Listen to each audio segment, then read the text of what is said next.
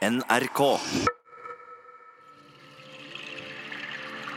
Tidlig om morgenen i den stille uke før påsken 2019 gikk dette programmet, som opprinnelig ble sendt i 2004, i reprise. Vi skal til Bergen, og der møter vi professor Henrik von Achen. Allerede i 2004 var Achen en ledende person ved Universitetsmuseet i Bergen. Og han har flere perioder bak seg som direktør, styreleder og dypt engasjert i Universitetsmuseets basisutstillinger. Men kanskje er det kirkekunsten som står Achen nærmest.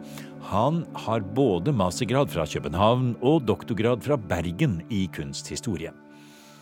Vi går tilbake til 2004, og for den saks skyld helt tilbake til middelalderen, når vi lukker opp dørene til kirkekunstutstillingen i Bergen.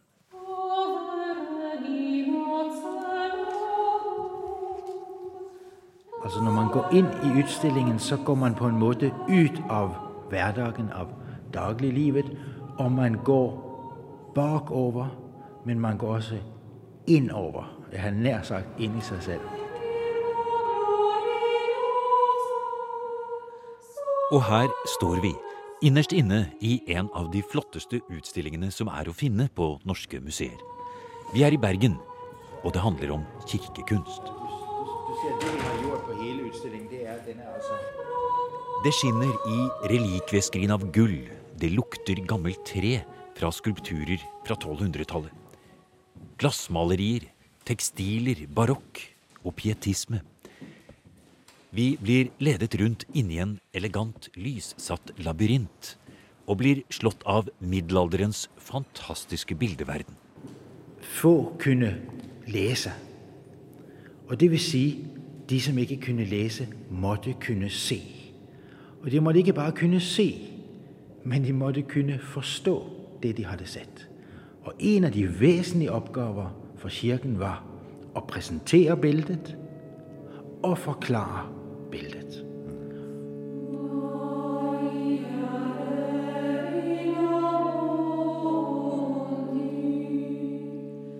Og så spørs det om et såkalt moderne menneske, fanget i helt andre sysler enn å forstå middelalderens symboler, greier å ta inn over seg hvordan folk tenkte og følte for så mange hundre år siden. Det er doktor Henrik von Achen som med sin katolske bakgrunn skal forsøke å forklare oss disse mysteriene som var helt universelle i hele middelalderens Europa. Von Achen er faglig ansvarlig for kirkekunstutstillingen ved Bergen museum, og han tar oss med til Golgata. Til en fornem krusifiksgruppe, Jesus på korset og Maria. Antagelig laget i Frankrike for 800 år siden og hentet til en liten kirke i Giske. Det som er spennende her, det er hvis vi ser på Kristus, så er han ikke den tidlige middelalders herskende konge, dommeren som holder dom fra korset, men hodet synker ned på siden, øynene er lukket, og det er dette drag av sørgmodighet over skulpturen. Men han har ennå kronen på hodet. Og Det forteller oss at vi er i en overgangsfase fra tidlig middelalderens herskende konge til den ja, høymiddelalderens og den senere middelalders lidende menneskesønn. Men se på Maria. Hvordan skal du for lang avstand i kirken La oss nå si at dette har vært på et korskjele, og du sitter på kanskje 10-15-20 meters avstand. Hvordan skal du se at Maria er lei seg? Jo, det ser du ved at hun har en ganske bestemt gest, nemlig en håndstilling. Hendes venstre hånd griber om den højre.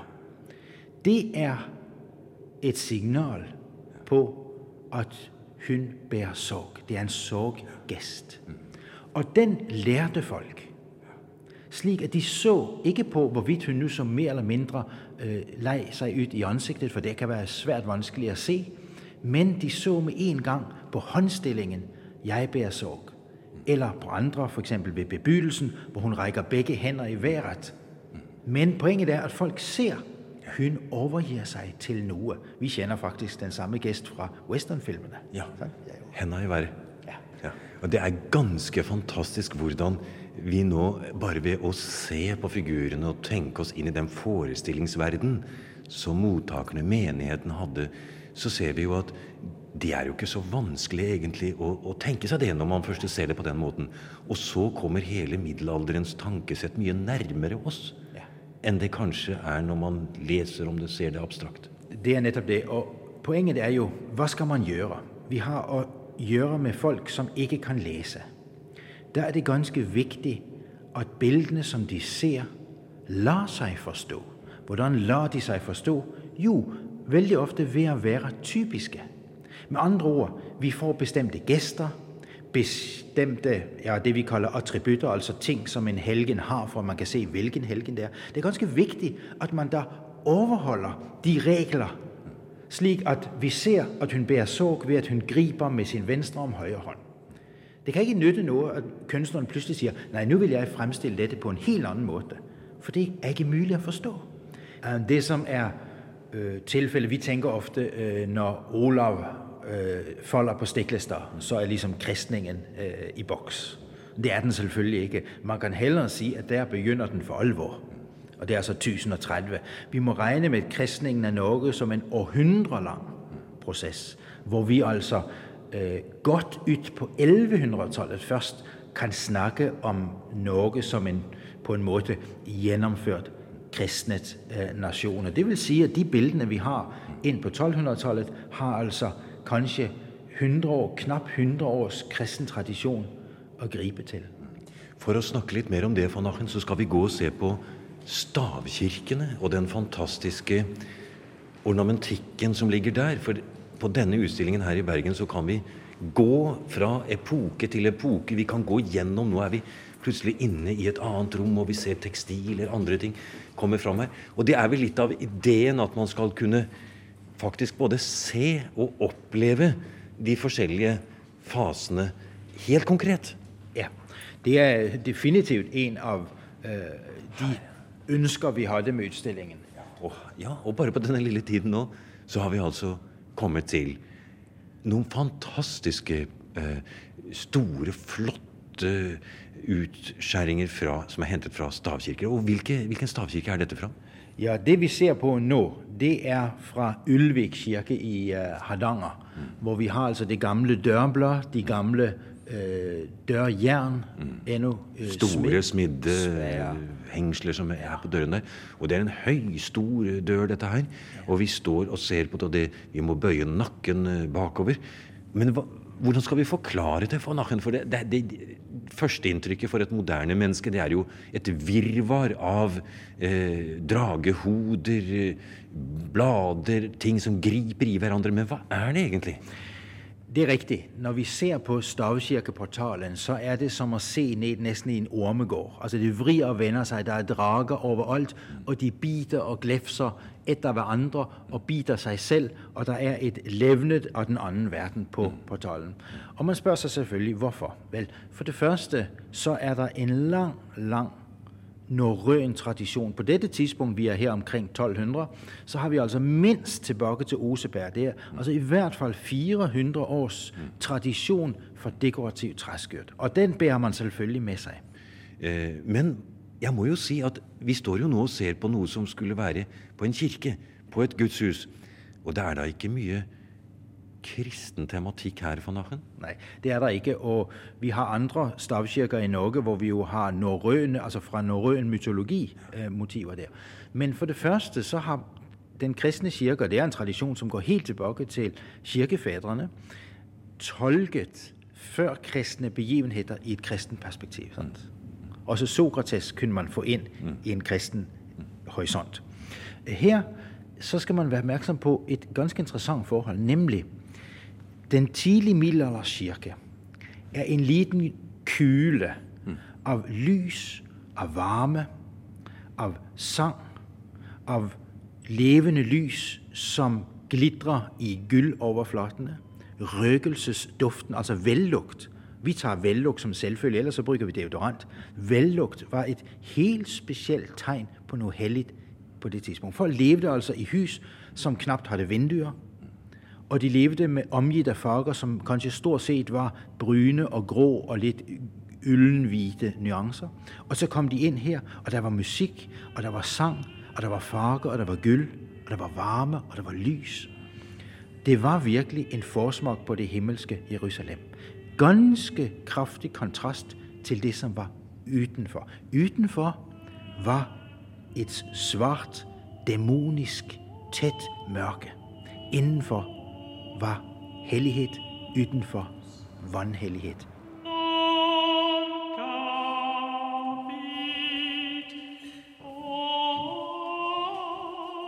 Og nå går vi fra stavkirkenes mørke, kan man si. Vi går videre innover i utstillingen her i, i Bergen. Og det er én ting jeg må spørre deg om, von Achen. Når det gjelder den tidlige kristne utøvelsen i kirkene av den kristne tro, så er det jo selvfølgelig helgenene som blir svært viktige. Og her står vi vel foran en av kanskje de aller, aller viktigste Madonna-figuren som vi står og ser her. Men helgenene for å uh, gå rett på sak, hvor blir det av dem efter reformationen? Nej, øhm, jeg prøver nu at svare så præcist som jeg kan. For det første, så må man sige, at reformationen var selvfølgelig kritisk til helgen øh, kulten. Men i hvert fald de tidlige reformatorer havde ingen problemer med at se, at der var nogen helgener, som faktisk kunne tjene som forbilder. Det var ikke problemet. Det som var problemet, det var en kult. Nå. Og det, det kan man jo bare forstå, for nå står vi altså foran Madonna fra Hove kirke i Sogn. 1250 står det her. Hun sitter med Jesusbarnet. Det er gull. Vi ser det er blått og hvitt, slik som det skal være. Det er malt ansikt, det er kroner. Og et fantastisk eh, objekt å se på i og for seg. Ja. Men det som man skal være opmærksom på, det er, særligt når vi snakker nu om reformation, mm. Uh, så skal man være opmærksom på, at der er en grundlæggende karakter ved hele senmiddelalderens kristendom, som man på en måde fik i vrangstryben i reformationen. Og det var, at senmiddelalderen var i høj grad en praktisk orienteret kristendom. Kristendom, det var noget, man gjorde. Man deltog i andagter, man gik til messe, man gik på pilgrimsfærd, man gik i processioner, og man udøvede barmhjertighedsgjerningerne, slik vi kender til. Altså næste kærlighed. Altså det var en veldig praktisk kristendom.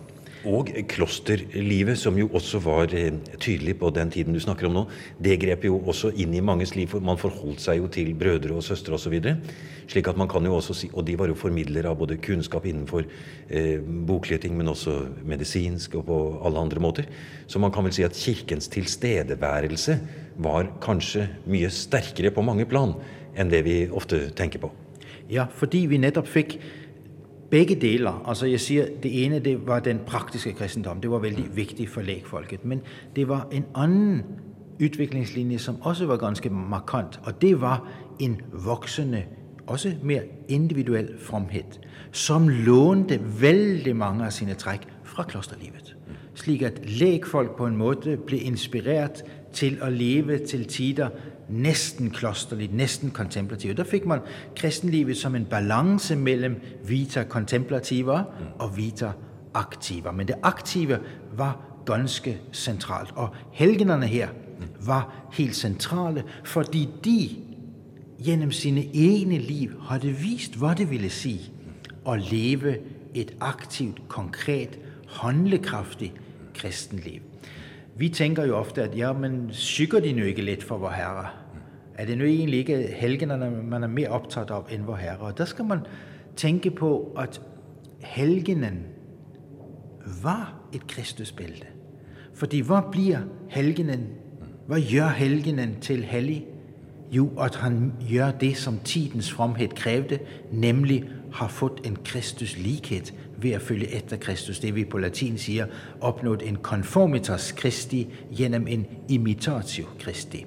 Og det vil sige, at helgenen var Kristi ansigt her på jorden. At kirken var Kristi ansigt her på jorden. At Kristus ikke bare var til stede i kirken, men som kirke.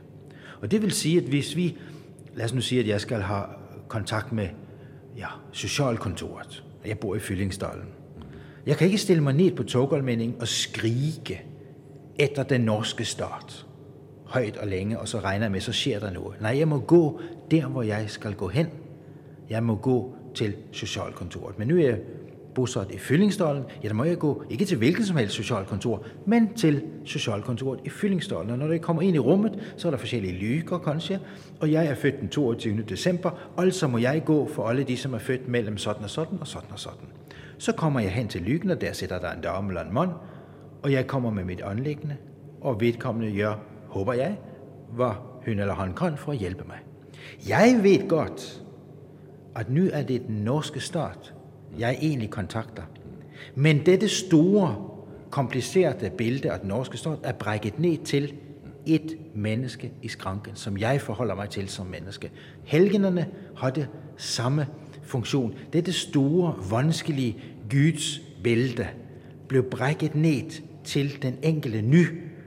gælder det mig, nu, gælder, nu har jeg tåndpine der beder jeg til den hellige Apollonia, for hun har med tåndpiner at gøre. Kan ikke når jeg beder til den hellige Laurentius, for han har med brændskatter at gøre. Sådan. Jeg går derhen, hvor det er rationelt. Jeg ved godt, at Apollonia, det er Kristi kærlighed omsat. Sådan. At Laurentius, det er Kristi kærlighed omsat. Og jeg kender deres historie. Jeg har fået dem at vide ved prægen og ved forklaringer i messen. Husk på, middelalderens menneske var kanskje i kirken mindst tre gange hver uge. Hele livet igennem så man bygget op en enorm kompetence, også hos folk, som ikke kunne læse, til at se og forstå og koble.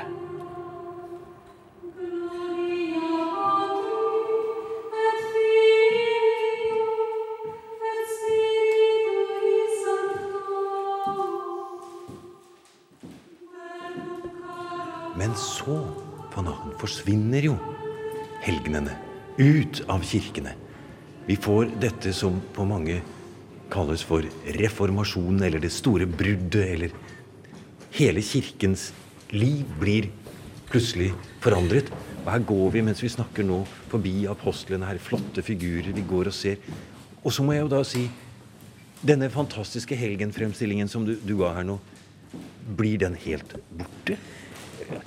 Ja, altså langt på vei så blir den selvfølgelig borte, men ikke med en gang fordi man jo til at begynde med nok har forståelse for, at de hellige mænd og kvinder kan tjene som modeller. Men det er klart, at, at forestillingen øh, er ikke længere knyttet til, at de kan gå i forbøn for dig. Øh, det er ikke længere knyttet til mere end dette, at det kan være en model. Øh, reformationen er øh, for mig i hvert fald altid et næsten et tankekors. Hvordan er det muligt fra relativ harmoni i det kristne Europa, i hvert fald konfessionelt, til, øh, jeg har sagt, fyld pakke.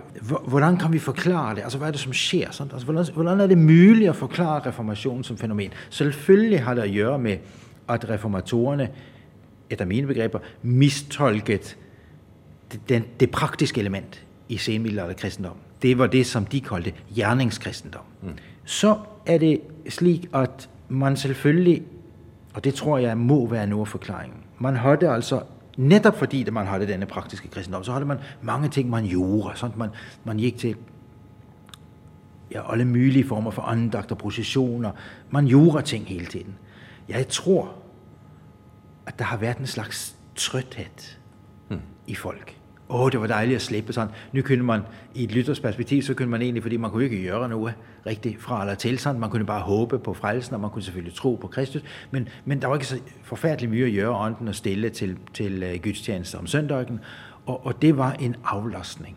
Altså, der må være et element af, på en måde, en, en vis trøthed, som, som jorden folk øh, reagerede øh, nok så afslappet i forhold til det, som man skulle jo tro, var et spørgsmål om liv eller død. Og jeg tror jo, at hvis, hvis man kom ind i en almindelig lyttersk kirke øh, omtrent 1560, Lige efter reformationen? Lige efter reformationen, eller kanskje til og med en hel generation efter reformationen, så ville det næsten måtte være teolog for at forstå, at dette ikke var en katolsk messe. Men pludselig, det som man gør i den lytterske kirke, når det etter hvert bliver vanskeligt med disse helgener, det er, at man erstatter dem med to typer. Enten med apostlene, som på en måde er gangbare, fordi de omtales dog i evangeliet, eller med abstrakte fremstillinger av centrale kristne dyder, altså det vi kaller dydefigurer. Sånn, tro, håp, kjærlighet, øh, tålmodighed osv. Men her har vi så en masse apostler, det er noe greit. Ja, for det er jo stort, og det er fullt av farver. Det er voldsom detaljrikdom. En kraftig, stor uh, utsmykning, dette her. Her omkring 1640 er bildet tilbake forfulgt. Vi går litt nærmere her nå og ser helt inn på det.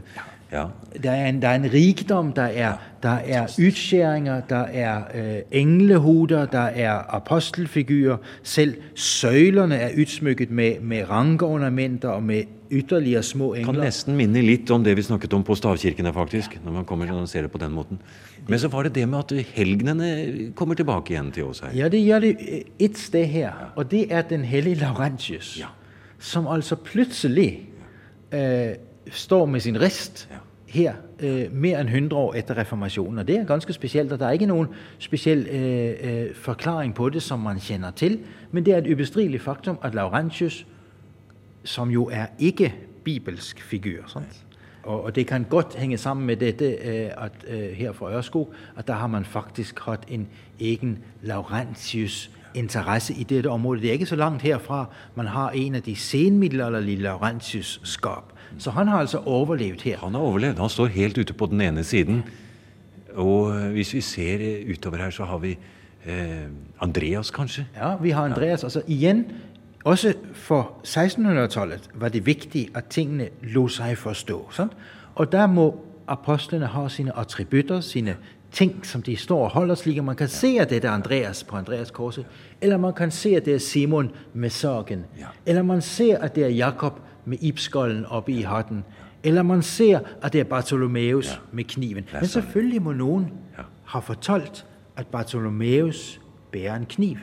Fordi der er ingenting der, som tilsiger, at dette er Bartholomeus. Det må man vide, og det er denne, denne vekselvirkning mellem det, man har fået at vide, og det, man ser, som udgør en del af kirkekunstens øh, pædagogik. Det at utstillingen i Bergen trekker trådene fra middelalder til langt forbi reformasjonen, gjør at man kan se en annen helhet enn bare det som foregikk inne i kirkerommet.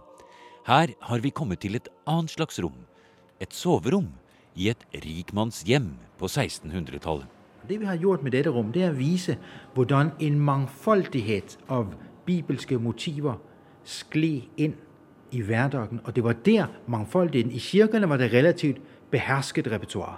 Men i privathjemmene, og selvfølgelig de mere velbevilgede privathjem, var der en rig, rig bibelsk ikonografi. Folk levede, så at sige, i et bibelsk miljø dag ud og dag ind. Og det, som du snakker om med denne store, aldeles nydelige øh, himmelseng, det er netop, hvordan en rig mand, der sov gerne med sin ægte hustru omkring 1630. Og det er hele denne seng, som er et virvar af udskæringer, intarsier, figurer, englehuder, ranker. Det er et næsten mikrokosmos. Se, hvis du ser nøje på den, så ser du, at ved fodgjerdet, så står som vi står. Abra, øh, Adam Ja. og Adam og Eva. Ja. Adam og Eva står her. Man ser, hvordan Adam forsøger at værke sig Mhm. mm-hmm. mod øh, æble, som Eva, en meget yppig Eva, øh, frister ham med. Hun griber det direkte ud af træet. Mhm. Hvad er pointet? Dette er nemlig ikke noget uvanligt motiv i 1600-tallets himmelsenger. Hvad er pointet? Jo, hvis vi tænker igen på skriften, så var det helt krystalklart øh, for en, et lytters perspektiv, at mennesket var undfanget i synd. Det er altså, mennesket var i udgangspunktet ondt. Det er et af de problemer, vi kanskje har med det synspunkt, men altså, mennesket var i udgangspunktet undfanget, avlet i synd, undfanget i synd. Og mennesket skulle jo præsumptivt undfanges i ægtesengen og helst ikke på køkkenbordet, slik at det var vældig relevant at have dette her. Men dette er jo ikke alt, som lytterdommen havde at sige om det lykkeligvis. For mennesket kunne jo frelses. Hvordan kunne mennesket frelses? Jo, ved dydene. Mm. Og da går vi rundt på den andre siden av sengen her, ja. Når vi kommer op til Oh, det hovedhjertet, er ja. så ser vi netop de sentrale teologiske dydene. Kjærligheten, meget relevant i ægtesengen, selvsagt fremstillet som en kvinde med små barn. Og vi har troen. Store, figurer, dette her. Ja, det er aldeles ja. nydelig. Altså, dette er, det er jo et helt lille hus. Ja, det er sort og gul. Her har du da øh, troen. Du har da håbet. Figurene som står her. Ja, det er det er, dydefigurer. det er jo nesten som en altertavle. Han er så, Det er næsten, det er en altertavle. ja, ja. Bortset fra, at der, der er ikke noget alter under, men det, det er nøjagtigt den samme mekanisme. Vi har der tro, håb og kærlighed. Vi har der retfærdigheden. Mm. Og det, som ikke mindst var væsen i ægtesengen, måtehold. ja. Sant? Og det hele, altså de, som ligger her, er der på en måde... Og så er det to engler som står på og sin de har haft flammesvær i hånden, og de er der på en måde de, som vogter dydene og vogter de, som sover i sengen, slik at de ikke må bære følgerne af synden. som Adam og Eva som tårer, som de ser på. Og så har du englehoder I- oppe se i, opp under taket på denne i himmelsengen. kassettaket. Som, som Fantastisk, det, det, det er et mikrokosmos, Ja, det var litt av en seng. som siger noget om mennesket næsten fra fødsel Ja, til jeg død. si. Det er utrolig. Og i hele denne bildeverden så er det jo nettopp det samme type symboler, tankegang, som vi har nå sett gjennom den store kirkeutstillingen. Det er, altså, det er dette, øh, på en måde, dette kristne, det bibelske perspektiv, omsat til hverdagen. Det andre er selvfølgelig, at øh, man kan sige med, med Sigrid Ønsæt, at mye forandrer sig, men menneskets hjerter forandrer sig aldrig. Øh, jeg tror nok, at man, når man går og ser denne udstilling, så vil man forstå sin egen historie. De genstande, som i dag taler om ting, vi ikke forbinder med noget, taler sprog, vi ikke længere forstår, de vil begynde at tale. Du har nå hørt en podkast av programmet Museum fra NRK P2. Og send gjerne en e-post til museum krøllalfa nrk.no.